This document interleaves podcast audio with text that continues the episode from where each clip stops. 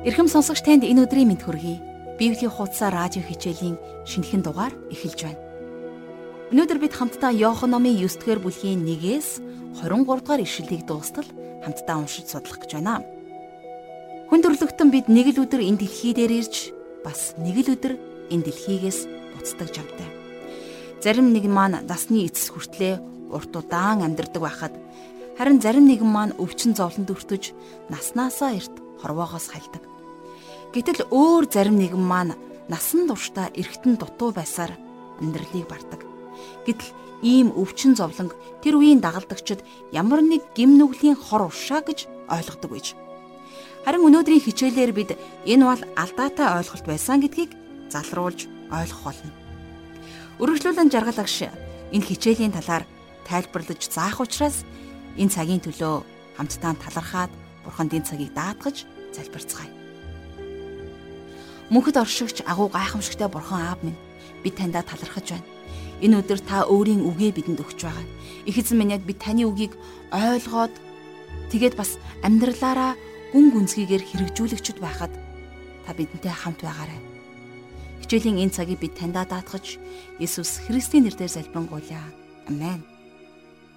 Ингээд жаргал агшин ярианд анхаарлаа хандуулъя.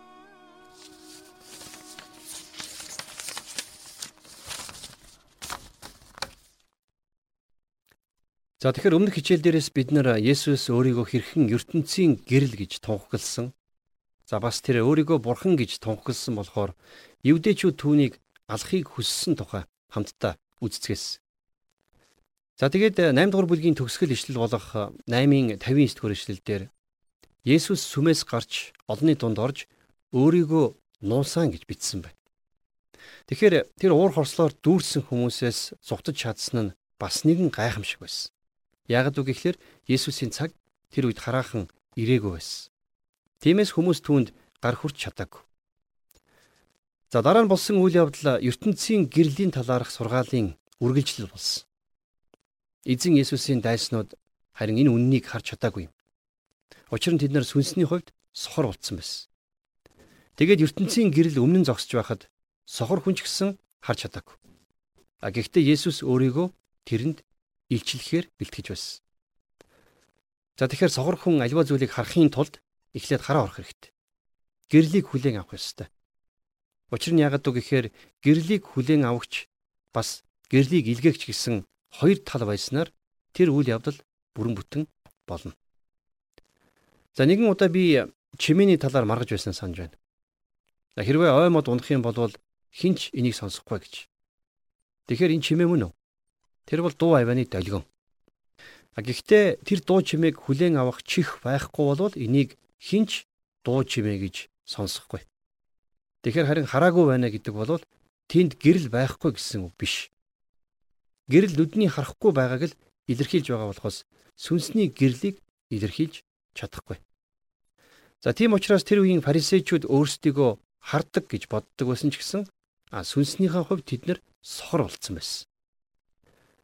За харин өнөөдөр Бурхны үгийг номлож байгаа бидний хувьд маш их том хариуцлага байгаа.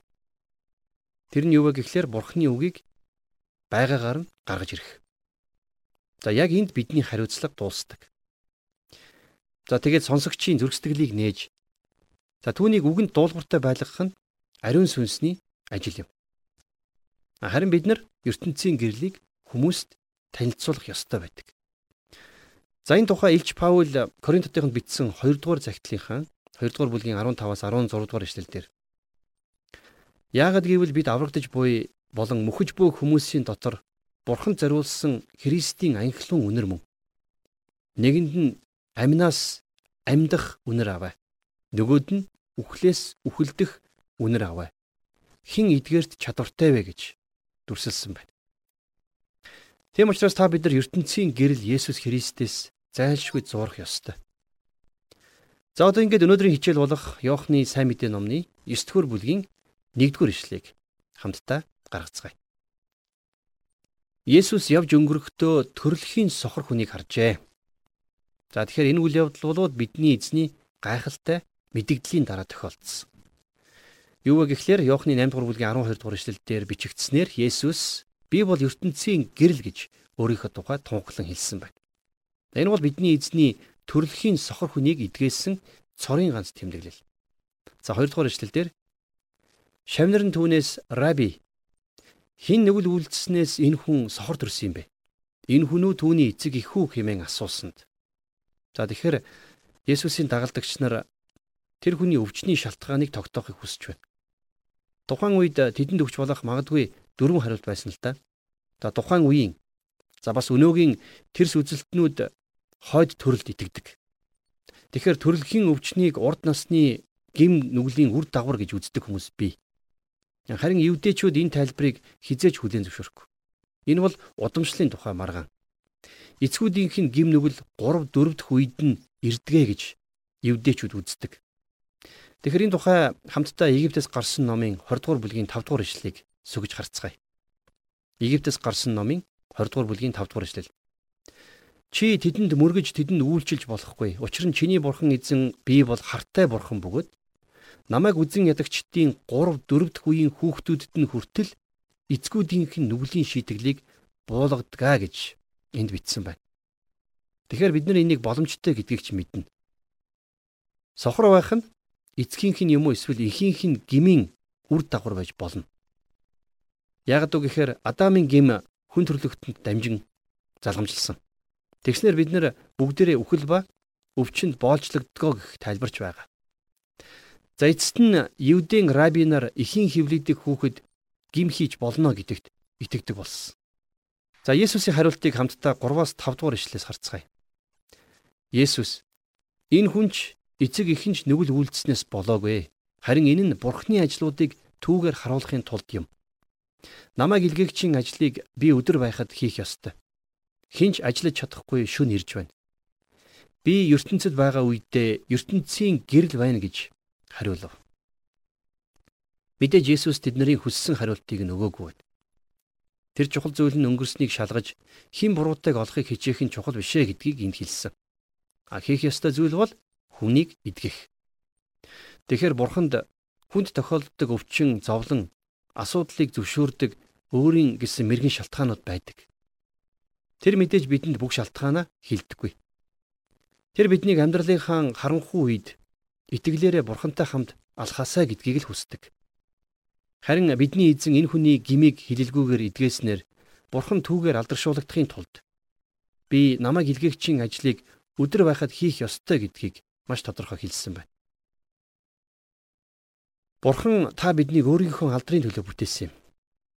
Бурхан биднийг энд зүгээр хэн нэгэн байлгахын тулд бүтээгээгүй. Хэрвээ бид нар энийг ойлгож ухаарахгүй бол бүтээлийн бүхэл зорилгыг орхигдуулж байна гэсэн үг. Тэгэхээр эдгээр сорилтууд, зовлонгууд амьдралд биднэрт байнга ирдэг. Учир нь энэ бүхнээр дамжуулан бурханд алдрыг авчирдаг юм. Тийм учраас энэ сохор хүн хараа орсноор бурхны алдрыг авчрах болно. Энэ сохор хүн хараа зогсохгүй. Тэр мөн Есүс Христийг харах болно. Тэгээд түүнийг өөрийнхөө аврагч гэж мэдэж авах болно. Тэгэхээр Есүс бол үнэхээр ертөнцийн сүнслэг гэрэл мөн. Түүнгүүгээр хүн бүр сохор. Тэр өнөөдөр ч гэсэн дэлхийд байсаар байгаа. Тэр биднэр лөө ариун сүнсээр ирдэг. Бурхны хүү ариун сүнсээр л бидний нүдийг нээж тэгснээр бид нар сүнслэг зүйлсийг харж чаддаг болохгүй бол бид нар сохор хэвээрэл байна гэсэн үг. За цааш нь үргэлжлүүлээд 9 дугаар бүлгийн 6-аас 7 дугаар ишлэгийг харъя. Ингиж хэлээд тэр газар нулимж шүлсээрээ шавар зурж тэр хүний нүдийг шавраар шаваад яв. Силомын цөөрөмд угаа гэж хэлэхэд өнөөх хүн яв. Тэгээд угаагаад хараатай болон эргэж иржээ. Тэгэхээр Есүс энэ сохор хүнд хүрх хэрэгтэй байсан. Тэр хүн Христэд дуулууртай байх ёстой байсан. Тэгвэл яг ингэж Христ бидний сүнслэг хараанд хүрдэг. Бидний сүнслэг нүдэнд шин харааг өгөх ёстой байдаг. Энэ бол гим хийсэн хүний асуудал биш. Учир нь бүгд нүгэл үйлдэснээр Бурхны алдарт хүрдэгвэ гэж Ромын 3-ын 23 дээр байдаг. Тэгэхээр Христ таны тэр сүнслэг нүдэнд хүрээгүй бол та өнөөдөр ч гэсэн харахгүй байгаа гэсэн үг. Өнөөдөр манай сүм чуулгануудад сохор Тэгээд энийгээ мэдэхгүй маш олон хүмүүс байна. Эдгээр хүмүүс бидний заадаг Библийн хөтөлбөрийг маш олон сарын турш сонссон. Тэрийг нүд нээгдэж хардаг боллоо гэж хэлцгээдэг. А гэтэл бид нар Христийг нүдэнд хүргүүлснээрээ л жинхэнэ утгаараа харах боломжтой болдго юм. Энд гарч байгаа үйл явдал ч гэсэн энийг тайлбарласан байгаа. Христ энэ хүнд хүрсэн ч тэр хүн тэрнийг харж чадахгүй хിവэрэ байсан. Тэгээд Есүс тэрнийг явж угаа гэхэд тэр дуулууртаа дагсан. Тэгэхээр энэний гол шалтгаан нь шүү дээ. Нэгдүгürt энэ сайн мэдээ Христийн бурханлаг чанарыг гаргаж ирж байгаа юм. А гэхдээ энэ Есүсийг мөн хүн гэдгийг хэлдэг. Есүс өөрийн бурханлаг чанарыг тунхаглах хэрэгтэй байсан. За тэгээд одоо тэр сохор хүнд хүрдэг. За хоёрдугаарт нь хэрвээ сохор хүн харах ёстой бол эзэн Есүс Христэд дуулууртай байх ёстой байсан. За гуравдугаарт нь Есүс тэрнийг Силом гих цөөрөм рүү илгээсэн. За Силом гэдэг энэ үгийг орчуулах юм бол илгээсэн гэсэн утгатай. За цөөрмийнх нь нэр хүртэл Есүсийг эцгээсээ илгээгдсэн гэдгийг гэрчилж байна. Есүс энэ хүнд эцэг өөрийг нь илгээсний адилаар тэрнийг мөн илгээж байна гэдгийг хэлж байсан байж болох юм. Харин эцэст нь буюу дөрөвдүгээрт нь сохор хүнд харахын тулд ус хэрэгтэй байсан. Тэгэхээр ус болвол бичээсийн маш олон хэсэгт бурхны үгийг төлөөлдөг. Бурхны үггүйгээр дахин төрөлд хизээч бий болохгүй гэдэгт би бат итгэдэг. Ягд гэхээр дуул номын 119 дугаар дууллын 130 дугаар ишлэл дээр таны үгсийн тунхаглал гэгэрүүлдэг. Тэдгээр нь энгийн хүмүүст ухаарлыг хайрладаг гэж тодорхой бичсэн байна. За харин 5 дугаарт нь евдээчүүдэд энэ гэрчлэл хэрэгтэй байсан. 29 дугаар эшлэлдэр тэд Бурхан Мосед айлдсныг бид мэднэ. Харин энэ хүний хувьд бид түүний хаанаас ирснийг нь мэдэхгүй гэж хэлсэн байна. Тэд нэр сохор хүний эдгэрлэр Есүс бол Бурхан эцгээс илгээгдсэн хүн гэдгийг харах ёстой байсан юм. Есүс хүмүүсийг эдгэхдээ янз бүрийн аргуудыг ашиглаж байсан. Гэхдээ хамгийн чухал зүйл бол Христ рүү ирэх, түүнд итгэх, түүнийг дуулууртай дагах явдал байсан. Эцгийн надад өгдөг бүхэн над руу ирнэ. Над руу ирэх хүнийг би огт хөөж гаргахгүй гэж Есүсийн бичсэн үгийг Иохан өөрийнхөө сайн мэдээ номны 6-гийн 37 дээр тэмдэглэн үлдээсэн байна. Тийм ээ. Эзэн Есүс Христ бол хамгийн чухал тэр нэгэн юм шүү дээ. Харин одоо та бүхэнд сохор хүний нөхцөл байдал аврагдахаас өмнөх гим нүгэлттэй бидний нөхцөл байдалтай хэрхэн зэрэгцдгийг харуулахыг хүсэж байна. За хамгийн эхлээд нэгдүгüрт нь сохор хүн сүмийн гадна талд байсан. Тэр бурхнаас хол хаалттай байсан. За Паул Эфесотынд бичсэн загтлынхаа 2 дугаар бүлгийн 12 дугаар эшлэлдэр бид тэр үед Христэс тусгаарлагдсан байв. Та нар Израилийн нийгмээс гадна амлалтын гэрээнүүдийн хувьд харь хүмүүс байв. Та нар ямар ч найдваргүй ертөнцид бурхангүй байлаа. Тэр бол аврагдахаасаа өмнөх хүн бүрийн нөхцөл байдал. Бурхангүй, найдваргүй, хаалттай байдал. За хоёрдугаарт нь тэр хүн сохор байсан. Тэр аврагчийг харах чадваргүй байсан. Тэгэхээр Есүс Иохны сайн мэдээ номны 10 дугаар бүлгийн 9 дугаар эшлэлдэр би бол үүдмэн. Хэрв хүн надаар орвол тэр аврагдах болно. Орж гарч тижээлээ олно гэж бичсэн байдаг. Есүс бол яахын аргагүй хаалга. Тэгэхээр энэ хаалгыг онгойлгох түлхүүр бол итгэл. Христгүйгээр та бид нар сохор байсан. Та аврагдахаас өмнө түүнийг аврагчаа гэж харж байгаагүй үстэй. Ийм нөхцөлд тэр танд гайхалтай нэгэн байгаагүй нь ойлгомжтой. Яг гэвэл бид сохор байсан. За 3 дугаарт нь тэр хүн төрөлхийн сохор байсан. Тэгэхээр бид нар энэ дэлхий рүү гим нүгэлтнүүд болон ирсэн учраас тэр хүн ч гэсэн бас гим нүгэл дотроо байсан. За дөрөвдүгээрт нь сохор хүнд хүн тусалж чадахгүй байсан. Хинч тэрний сохор байдлыг эмчилж чадаагүй. Тэгэхээр бид нар энэ ертөнцид найдваргүй гимтнүүд байсан. Өөрөөр хэлэх юм бол ямар ч шашин, ямар ч гүн ухаан, ямар ч бишрэл, шүтлэг биднийг эдгэх им болж чадаагүй. За 5 дугаар үнэн болвол юу байсан гэхээр тэр сохор хүн сохор байхын хажуугаар бас гуйлагч юм байсан. За энэ болвол өнөөдөр маш олон хүнийг өвтгдөг. Тэд нар өөрсдийгөө гуйлагчд гэж хүлийн зөвшөөрөхийг үзэн яддаг. Тэд нар авралын үнийг төлөхөд бэлэн байдаг. А гэхдээ авралыг худалдаж авах боломжгүй. та авралын төлөө бурхан руу харин энэ гуйлагч шиг л ирэх ёстой. Яагад гэхлээр аврал зөвхөн бурханаас л ирдэг. Бурхан л энийг өгч чадна. Тэгэхээр энэ сохор гуйлагчин авралыг хизээж худалдаж авч чадхааргүй байсан. Яагад гэхлээр тэрэнд энийг худалдаж авах юу ч байгаагүй.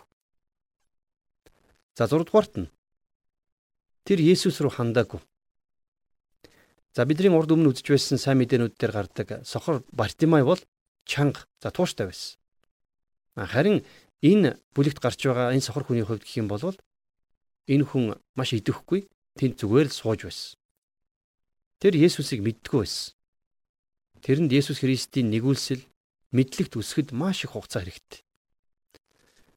Тэгэхээр би таньс асуумаар байна. Та үнэхээр аврагдахыг хүсэж байна уу? Та энэ амьдралаас авралыг хайж байна уу? Та хизээ нэгэн цагт бурхныг хайж байсан уу? Та эгэл жирийн хүн бол мэдээж тэгээгүй. Та түүнийг хайж байгаагүй.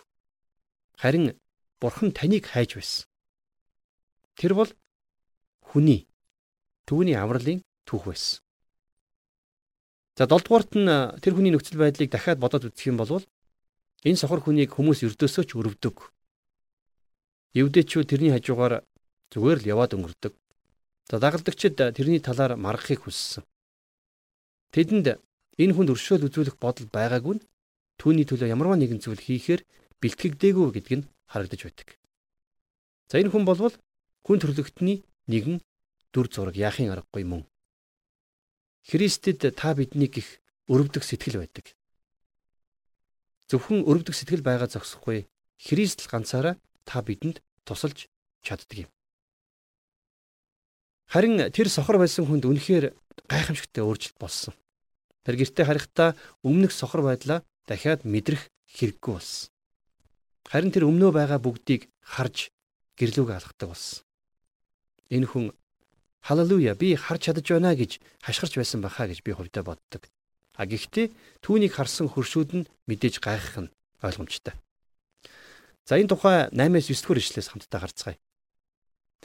Урд түүний гуйлагчин байсныг харсан хүмүүс болон хөршүүд нь эн чин суучхаад гуйлаг гуйдаг нөгөө хүн биш үү гэхэд зарим нь тэр мөн байна гэцгээв. Бусд нь үгүй түүнтэй төстэй юм байна гэсэнд тэр өөрөө тэр чинь би байна гэж хэлвэ гэсэн байна. За тэгэхээр яг ийм юм ярилцаа зогсож байгаа хуршүүдийг та төсөөлж байна уу? Хин нэгэн хүн цонхороо хараад хөөе нөгөө сохор хүн чи явж байна. Төвний эхнэр нь хаалгаараа гарч түүнийг хараад тэр нөгөө сохор хүн биш байсан. Тэр түүнтэй төстэй харагдаж байна. А гэхдээ тэр сохор биш юм байна гэж хэлсэн баг. Тиймээс тэр хүн өөрийгөө хуршүүддээ таниулах хэрэгтэй болсон. Хуршүүд нь тэрэнд ямар нэгэн зүйл тохиолдсон байна гэдгийг тэр даруй мэдсэн. Хэрвээ та үнэхээр итгэсэн бол хэрвээ та сохор байснаа хардаг болсон бол таныг хүмүүс анзаарахгүй өнгөрнө л гэж байхгүй. Хэрвээ ямар ч өөрчлөлт гараагүй бол ямар нэгэн зүйл болохгүй байна, буруу байна гэсэн үг. Тийм биз? За цааш нь 10-аас 12 дугаар ишлэгийг харъя. Тэд түүнээс тэгвэл чиний нүд яаж нээгдсэн юм бэ гэж асуусанд тэр Есүс гэдэг хүн шавар зурж нүдийг минь шаваад надад Силом руу яваад угаа гэж альдсан. Тэгээд би явж угаагаад хараатай болсон гэж хариулв. Хүмүүс тэр хаана байна гэсэнд өнөөх хүн би мэдэхгүй гэлээ. Тэгэхээр надад энэ хүний гэрчлэл маш их таалагддаг. Тэр зүгээр л мэдэж байгаа зүйлээ л хэлсэн. Маш сайн, шодрог, за тэгээд чин сэтгэлийн гэрчлэл.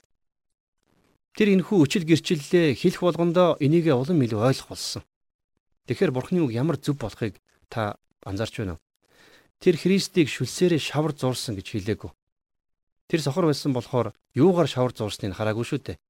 А тэрний мэдэж байсан зүйл болвол нүдэн дээр нь шавар тавьсан гэдгийг л мэдэрч байсан. Тэгэхээр түүний гэрчлэл шудраг. А тэгэд ямарваа нэгэн гоёл чимэггүй гэрчлэл байсан байна. Тэгэхээр ба штэ аврал бол үнэхээр энгийн зүйл юм байна гэдгийг та лав эндээс харсан баг. Энэ нь эзэн Есүс рүү ирээд Бурхны хүчийг мэдрэх. Энэ хүн урд өмнө хизээч Есүсийг хараагүй байсан. Харин эзэн түүний нүдийг нээсэн. Тэгэхээр бидний хувьд чухал зүйл болвол Есүсийг харах биш. Харин Есүст итгэх юм. За харин фарисеучуд энийг хараад ямар үйлдэл гаргасан талаар цааш нь хамтдаа харцгаая. 13-аас 15 дугаар эшлэлдэр. Урд нь хараагүй байсан өнөөх хүнийг тэд фарисеучуд руу авч ирэв.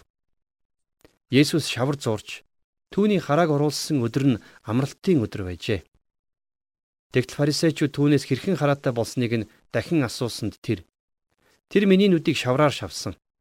Би угаагаад тэгээд л харж байна гэхэд. За энэ төр зогсъё. За дахиад л өнөөх хүн өөрийнхөө өнөөх хүчил гэрчлэлээ хэлж байна. А гэтэл харин фарисеучуд сохор хүн одоо харж чадаж байна гэдэгт огтхонч баярлаагүй. Тэд нар бол ёстой хүүтэн цустай амтд. Тэд нар энэ төрөлхийн сохор нөхөр хараа орчход ад жаргалтай явж байгааг хараад үнэхээр яахаа мэдхэ байлсан. За тиймээс цааш нь харъя. 16 дугаар эшлэлдэр фарисеучуудын зарим нь тэр амралтын өдрийг сахитгүй учраа бурхнаас ирсэн хүн биш гэв. Харин зарим нь нүгэлт хүн тийм тэмдгүүдийг хэрхэн үйлдэж чадах вүлээ гэлээ. Тэгээд тэдний дунд хагарал гарваа гэсэн байна. За тэгэхээр эдгээр ирчүүд газар дэлхий дээрх хамгийн ухаантай хүмүүсийн нэг хэсэг нь байсан гэдэгт би эргэлздэг. Бид нар бол мэтгэлцээний жинхэнэ мэрэгчтнүүд байсан. Тэгэхээр тэд нар мэтгэлцээний аргуудыг хэрэглэх болно. Тэднэрт их баг таамаглал байгаа. За мэтгэлцснийхээ дараа тэд нар ямарваа нэгэн дүгнэлтийг гаргадаг. А хэрвээ хоёр таамаг байгаа бол хоёулаа үнэн дүгнэлтийг гаргах болно гэсэн. А хэрвээ таамгуудын аль нэг нь худлаа байх юм бол дүгнэлт нь буруу байдаг. Энэ бол тэдний шалтгаан. Харин тэд нар ийм таамаглуудыг дэвшүүлсэн байна. За хамгийн гол таамаглал нь Бурхны бүх хүмүүс амралтын өдрийг сахих ёстой. За дид таамаглал нь бол Есүс амралтын өдрийг сахиагүй. За үүнээс гаргасан дүгнэлт нь тэгвэл Есүс Бурханаас ирээгүй гэж. Тэгэхээр тэдний хуурамч гол таамаг хүмүүсийг үнэн дүгнэлт рүү авчраагүй. Харин таамгаа ингэж дэвшүүлсэн байсан бол тэд үнэхээр үннийг мэдэх байсан. За хамгийн гол таамгийг тэд нар ингэж дэвшүүлж болох байсан. Бурханаас ирсэн хүмүүс л төрөлхийн сохор хүний нүдийг нээж чадна. За удаах таамаг нь Есүс сохор хүнд хараа оруулсан. За тэгвэл дүгнэлт нь тэгвэл Есүс Бурханаас ирсэн байж таарах нь. Харамсалтай нь бид нар өнөөдөр яг энэнтэй төстэй маш олон мэтгэлцээнүүдийг хардаг. Гадаад ертөнц мөхөж там руу явж сайн мэдээг харахгүй байхад чухал биш зүйлсийн талаар хүмүүс өнөөдөр маргалцсаар л байна. Тэгэхээр фарисеучуудын дүгнэлт тэр амралтын өдрийг сахитгүй учраас тэр бурхнаас ирээгүй гэсэн дүгнэлтэнд хүрсэн байна. 17-оос 18 дугаар эшлэлдэр Тиймээс тэд сохор эрд дахин тэр хүн чиний нүдийг нээсэн учраас түүний тухай чи юу гэж хэлэх вэ гэхэд тэр тэр бол иш үзүүлэгч гэв. Тэгтэл хараатай болсон хүний эцэг эхийг дуудах хүртэл евдээчүүд түүнд сохор байж байгаад хараатай болсонд нь итгэсэнгүй. За тэд нэр ингэж мэтгэлцэхдээ гим нүгэлтэй хүн яаж ийм гайхамшигыг хийдэг юм бэ гэдгийг л асуусан. Энэ бол сохор хүн ойлголтоороо өсгөд тусалсан асуулт байсан. Хэрвээ гим нүгэлтэн ийм гайхамшигыг хийж чадахгүй бол тэрнээс болоод тэр харж байгаа болохоор энэ нэгэн болвол гайхамшигтай. За иш үзүүлэгч байх нь гарцаагүй гэдэг дүгнэлтэнд хүрж байна. Тэгэхээр иш үзүүлэгч гэдэг утгаараа тэр бурхнаас ирсэн байх ёстой байсан. Тиймээс сохор хүн өөр нэгэн алхмыг хийсэн. Харин евдээчүүд түүний талаар итгээгүй гэж бичсэн байна. Тэгэхээр хүмүүс ямарваа нэгэн зүйлд итгэхийг хүсэхгүй үедээ тэд нар үннээс айлуулахаар зүгтхийг хичээдэг. Яг гэхлээр тэд нар хүний гэрчлэлийг хүлээж авахгүй. За тийм учраас аав ээж нь хариулт өгөхөөс нааш тэд нар энийг итгэхгүй байхаар шийдсэн байна. За цааш нь 19-с 22 дугаар ишлэлдэр тэд эцэг ихээс нь сохор төрсөн гэж та нарын ярьдаг хүү чинь энэ мөн үү? Тэгвэл одоо тэр яаж харж байна гэж асуув. Эцэг ихэн тэдэнд энэ бидний хүү мөн гэдгийг болон сохор төрснийг нь бид мэдэж байна. Харин одоо тэр яаж харж байгааг би мэдэхгүй. Нүдийг нь хин нээснийг нь ч бид мэдэхгүй. Өөрөөс нь асуу. Тэр насанд хүрсэн хүн. Тэр өөрөө хэлэг гэв. Түүний эцэг их евдээчүүдээс айсан тул тэгж хэлжээ. Учир нь Есүсийг Христ мөн гэж хүлээн зөвшөөрсөн хүн синагогоос хөөгдөх ёстой хэмээн евдээчүүд нэгэнтээ шийдсэн байлаа гэсэн байна. Тэгэхээр хүний амьдрал тохиолдох хамгийн аюултай зүйлсийн нэг бол яахын аргагүй шашны бурангүй нөлөөлөл байдаг. Тэгэхээр шашны удирдагч нар энийг нялзаах хин нэгнийг олохыг хичээж байна. Харин эцэг их нь бол тэр орхинаас зугтахыг хүссэн. эдгээр шашны удирдагч тэр хүнийг нэгэн удаа сохор байсан. Харин одоо харж чадаж байна гэдэгт огтхонч эргэлзээг. Их сургуулийн багш нар ч гэсэн Есүсийн үйлдэлсэн гайхамшгуудад эргэлздэг. А гэтэл тэнд байсан хүмүүс гайхамшиг болсон гэдгийг хизээч үгүйсгээгүй. Эцэг хин ч гэсэн бас мэдэж байсан. За тэгээд тэд нар ингэж хариулсан байна. 23 дугаар эшлэлдэр Тиймээс түүний эцэг их нь тэр насанд хүрсэн хүн өөрөөс нь асуу гэжээ гэж. Гайхамшиг болсон гэдгийг эцэг их нь мэдэж байсан ч гэсэн энэ нь яаж бий болсныг тайлбарлаж чадаагүй. За нөгөөтэйгээр тэд нар айж байсан. Тэд нар синагогоос хөөгдөхийг хүсээгүй. А хэрвээ тэд нар үннийг хэлсэн бол магадгүй нийгмээс бүр мөсөн тусгаарлагдах байсан байх. Тиймээс тэд нар ийм асуудалд орохыг хүсээгүй. Шашны удирдагч нар гайхамшигыг үгүйсгэж чадаагүй болохоор тэд нар эзэн Есүсийг за түүний гавьяг хүртэхээс болиулахыг бүх чадлаараа хичээсэн байна. Тэгэхээр өнөөдөр бид орчлон ертөнцийг боддоор харах хараатай, бурхныг харах сүнслэг нүдгүй хүн төрлөختний тухай ярилцлаа шүү дээ. Та бид ч гэсэн яг одоо бурхныг жинхэнэ утгаар нь сүнслэг нүдээр харж чадж байгаа юу? Энэ асуулт бидэнд зайлшгүй бодож тунгаах асуулт болон бидний өмнө босч ирээд байна. Тэгээд сүнслэг нүдтэй нь сохор байгаа бол түүний үгийг ухаж ойлгож түүний ариун сүнсээр хөтлүүлэн амьдрцгаая гэдэг шийдвэрийг өнөөдөр гаргах учиртай. Бас хамтдаа сайн мэдээг тарааж хүмүүсийн хараахан харахгүй ойлгохгүй байгаа тэр сүнслэг нүдийг нээж өгөөч гэж бурханд тэдгээр хайртай хүмүүсийнхаа төлөө илгэн нэгт ахан дүүсийнхаа төлөө хамтдаа зуучлан залбирах тэр цагийг гаргацгаая. Их эзэн Есүс ээ Та бидний нүдийг нээж өгөөч. Бид хараатай юм шиг хэрнээ. Хараагүй, харалган амьдралаар амьдрахыг хүсэж байна. Тиймээс их эзэн минь ээ, бидний харалган нүдийг та нээж, та өөрийнхөө замыг гэрэлтүүлэн та таниулж, нээж өгөөч. Их эзэн минь ээ, та үргэлжлүүлэн биднийг өөрийнхөө үйлчлэл дуудсан учраас бид талархаж байна. Бид өөрсдийнхөө нүдэн дэх дүнзийг хараагүй атлаа. Бусдын нүдэн дэх үрцгийг харж, өөчилж, өөлж, гоочилмооргүй байна Их эзэн минь та бидний нүдэндх дүнзийг авч аюул бид ах トゥ нарынхаа нүдэндх үрцсийг хэлбэрхаан авч чадах болно. Тэгээд их эзэн минь бид онцгойлон залбирч байна. ертөнцийг хардаг хараатай хэрнээ. Харин сүнслэг нууцуудыг мэдэхгүй байгаа тэрл харалган болсон хүмүүсийн төлөө бид залбирч байна. Их эзэн минь та бидний нүдийг нээж өгөөрэй. Тэгээд энэ бүхний эцэст их эзэн Есүс Христ таны нэр алдарших болтугай. Би танд бүх ам амьдралаа даатгаж Иесус Христийн нэрээр залбирanгуйлаа. Амен.